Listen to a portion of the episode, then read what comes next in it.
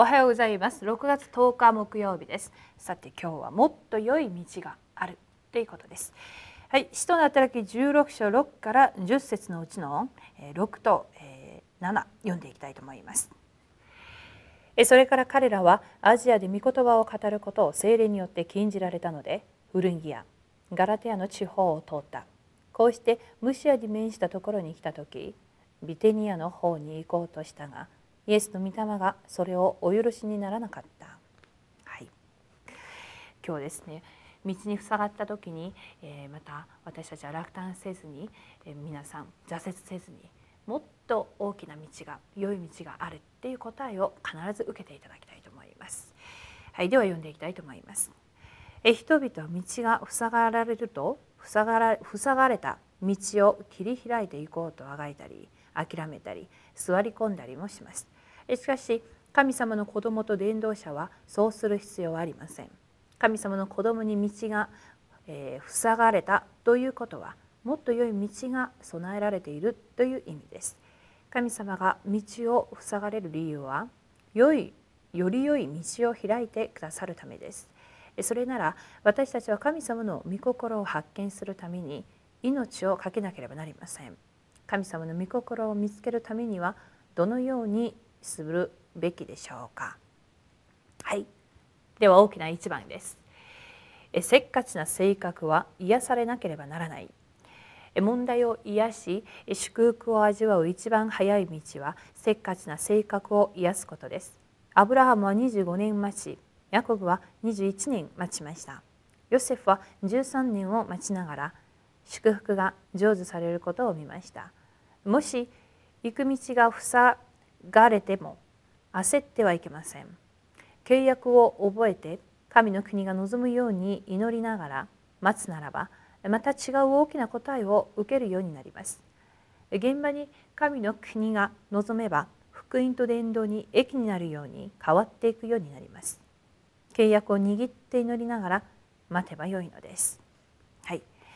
え皆さんに今どんな問題があるでしょうか？皆さんの思い通りにいかなかったりまた自分の計画通りになかなかいかない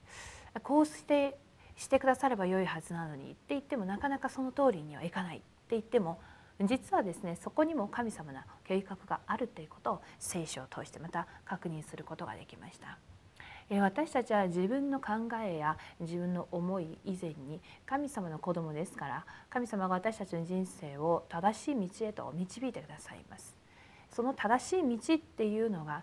いろんなことに対して全てがポジティブで全てが本当に良いことばっかりでっていうわけではなく神は契約の神で御言葉を成就される神様ですから私たちの人生が御言葉が成就される道へと導かれるのです。なのでですね問題が来ればすぐにこれはより良い最も良い道が開かれるチャンスだと思って今日皆さんがぶつかっている部分をまたメモしながらですね今日の御言葉をはっきりと見つけていただきたいと思います。えそしてえその中からその御言葉がどういう方向へと私たちを導いていくかを確認していく伝道者のまた生活を送っていただきたいと思います。はい、では大きな2番です。精霊の導きのための悩みは大きな答えを起こす。私たちがすべすべきことは精霊の導きのためにあがくことです。精霊の導きを受けるためには3つのことを参考にするべきです。神様はより良いことを与えられるために塞がれる時もあります。またいくら祈っても与えられない時があります。またある時は正確に導いてくださいます。この3つのことを参考にして悩むなら全てが回復します。はい。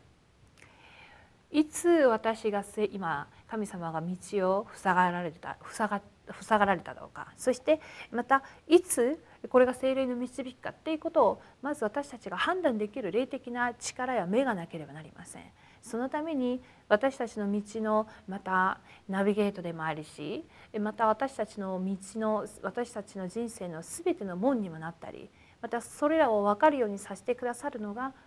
今日の御言葉です。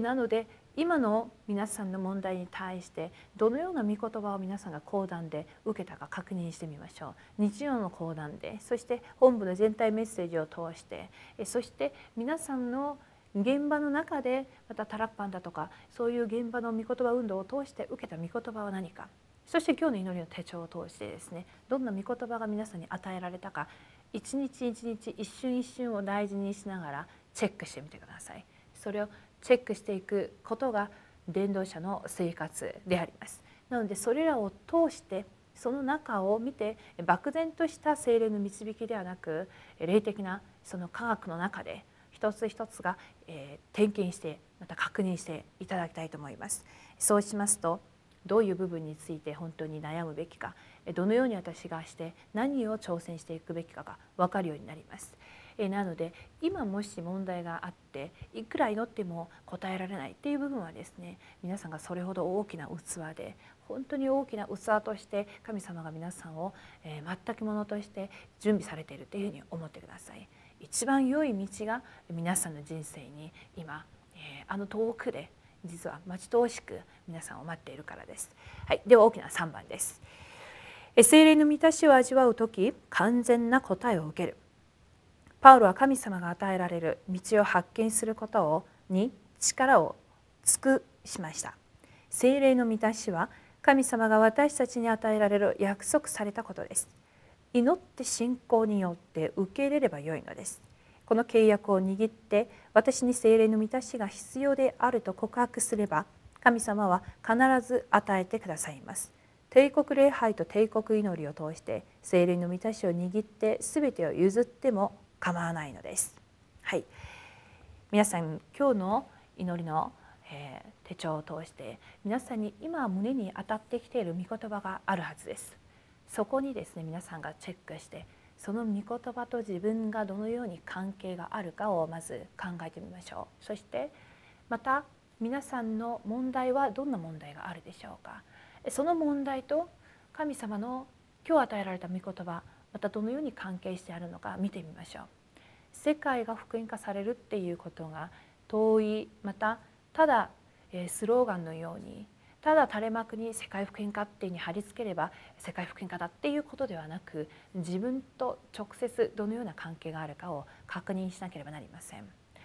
教会である問題そして皆さんの現場の問題そしてまた皆さんが行こうとしているいろんな夢はビジョンがあると思いますがそのビジョンも一日にしてなるわけではありませんよねそれはもう十分分かっていると思います。っていうことはそのための今日の一日をどういうふうに送るかが重要なことだと思います。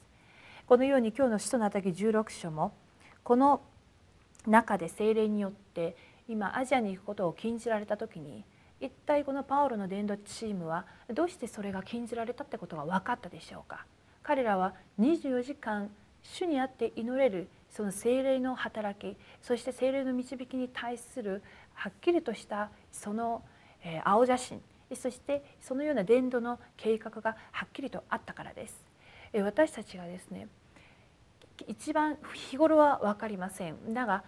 どどんなことがあっても私たちが契約の中で勝利するその秘訣っていうのは平凡な時は分からないんですが一日一日の中でいかにこの契約が自分のものになっているかそれをいかに自分の個人化をしていくかが一番大きな鍵になると思います。えなので皆さん今日の御言葉祈り今日の伝道ですね。これを皆さんまた忘れないで是非今日も見つけて自分のものに個人化になるようにしていただきたいと思います。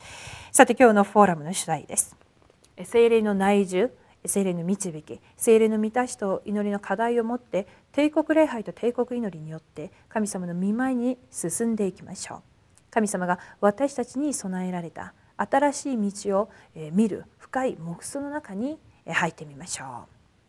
はい、それでは、えー、お祈りを通して今日の祈りの手帳を終わりにしたいと思います。愛の神様感謝します。最も良い道があると今日御言葉を与えてくださいました。今私たちはどんな問題にぶつかっていますか？そしてどんなことがうまくいっていませんか？果たしてそれが神が一番望んでおられる世界福音化伝道とはどのような関わりがあるでしょうか？私たちは本当に魂を生かすことに関心を持っているでしょうか？私が本当に何の値なしてただで与えられたただ主の恵みによって与えられたこの救いを私たちは無駄にはしていないんでしょうか？私が生きた分神様が望んでおられるように死んでいく人々を生かすために私たちが神様の子供としての使命を回復する一日になるように願います。そのため主は私たちにとても簡単な方法を教えてくださいました。今日の御言葉を握りそしてそれを握って祈れるようにまたそのために弱い私たちが主の精霊の力を体験するために帝国礼拝や帝国祈りを通してそれを十分に味わえるようにと主は道を開いてくださいました。私たちが御言葉をもう一度確認しながら精霊の満たしっていうのはああこういうものかっていうことを体験する一日になるように願います。そして最も良い道主が備えられた命に出会い定められた魂に福音を伝えることのできるそのような伝道者の人生を生きることができるように私たちを導いてください。神様今日一日私たちに働く全ての暗闇の勢力が打ち砕かれ主の関心のあるところに見つかいが使わされる働きを体験するように願います。全てを感謝して主イエスキリストの皆によってお祈りします。アーメン。